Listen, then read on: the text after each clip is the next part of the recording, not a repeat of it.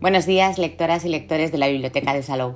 Os encontráis en el espacio Biblio Salou Radio, los podcasts bibliotecarios que os informan diariamente y vía radio de las novedades bibliográficas de la Biblioteca de Salou. Los podcasts de los viernes os hablan de lo que podemos encontrar en las redes sobre una de las novedades de cómic del mes de abril.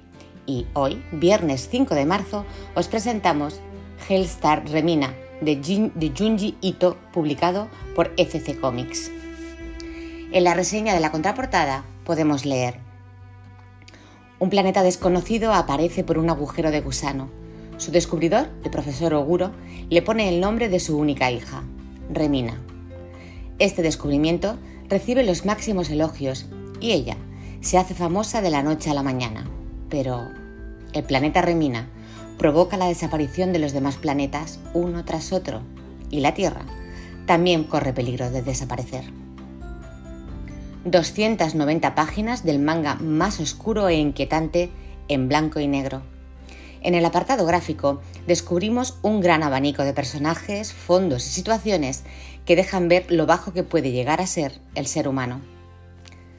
La obra puede resultar grotesca, pero siempre de manera estética, demostrando con excelencia que incluso en lo macabro se puede encontrar la belleza. La expresividad de sus personajes es su punto a favor, sin duda alguna.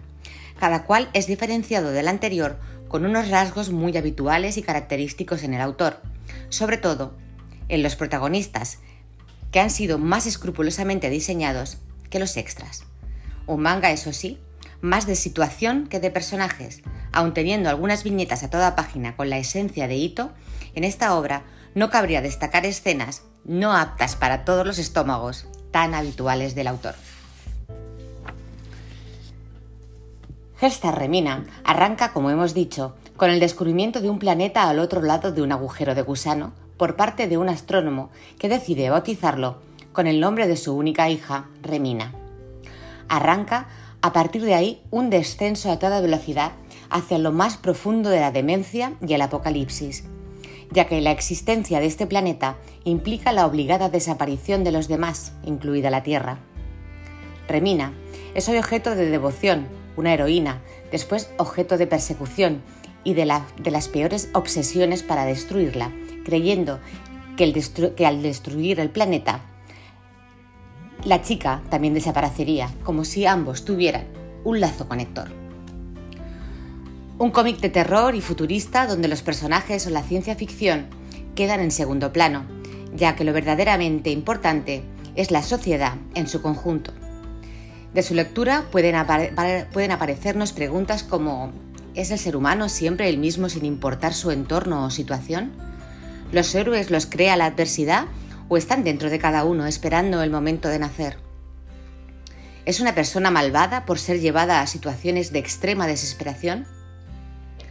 Junji Ito nos acerca con Hellstar Remina a la cultura de la catástrofe para mostrar una sociedad sorprendida y aterrorizada ante algo que no puede ni entender ni controlar, y que es capaz de hacer esa sociedad ante tal desesperación.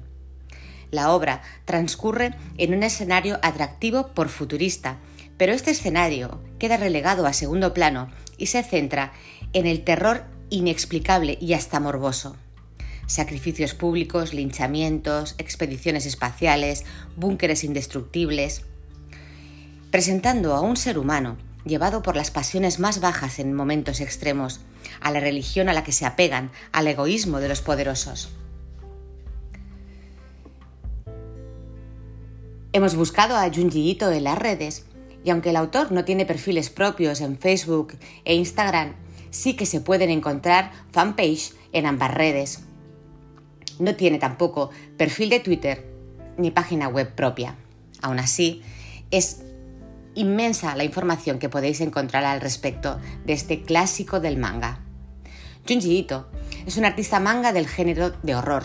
Algunas de sus obras más notables incluyen Tommy, una serie que narra las crónicas de una joven inmortal que impulsa a sus admiradores a la locura, Uzumaki, una serie de tres volúmenes sobre una ciudad poseída por la maldición de las espirales, Gio, una historia en dos tomos donde los peces son controlados por la cepa de una bacteria autoconsciente llamada el hedor de la muerte, y Black Paradox, una historia relatada en un volumen único de cuatro jóvenes que se conocen en un sitio de Internet y pactan un suicidio colectivo.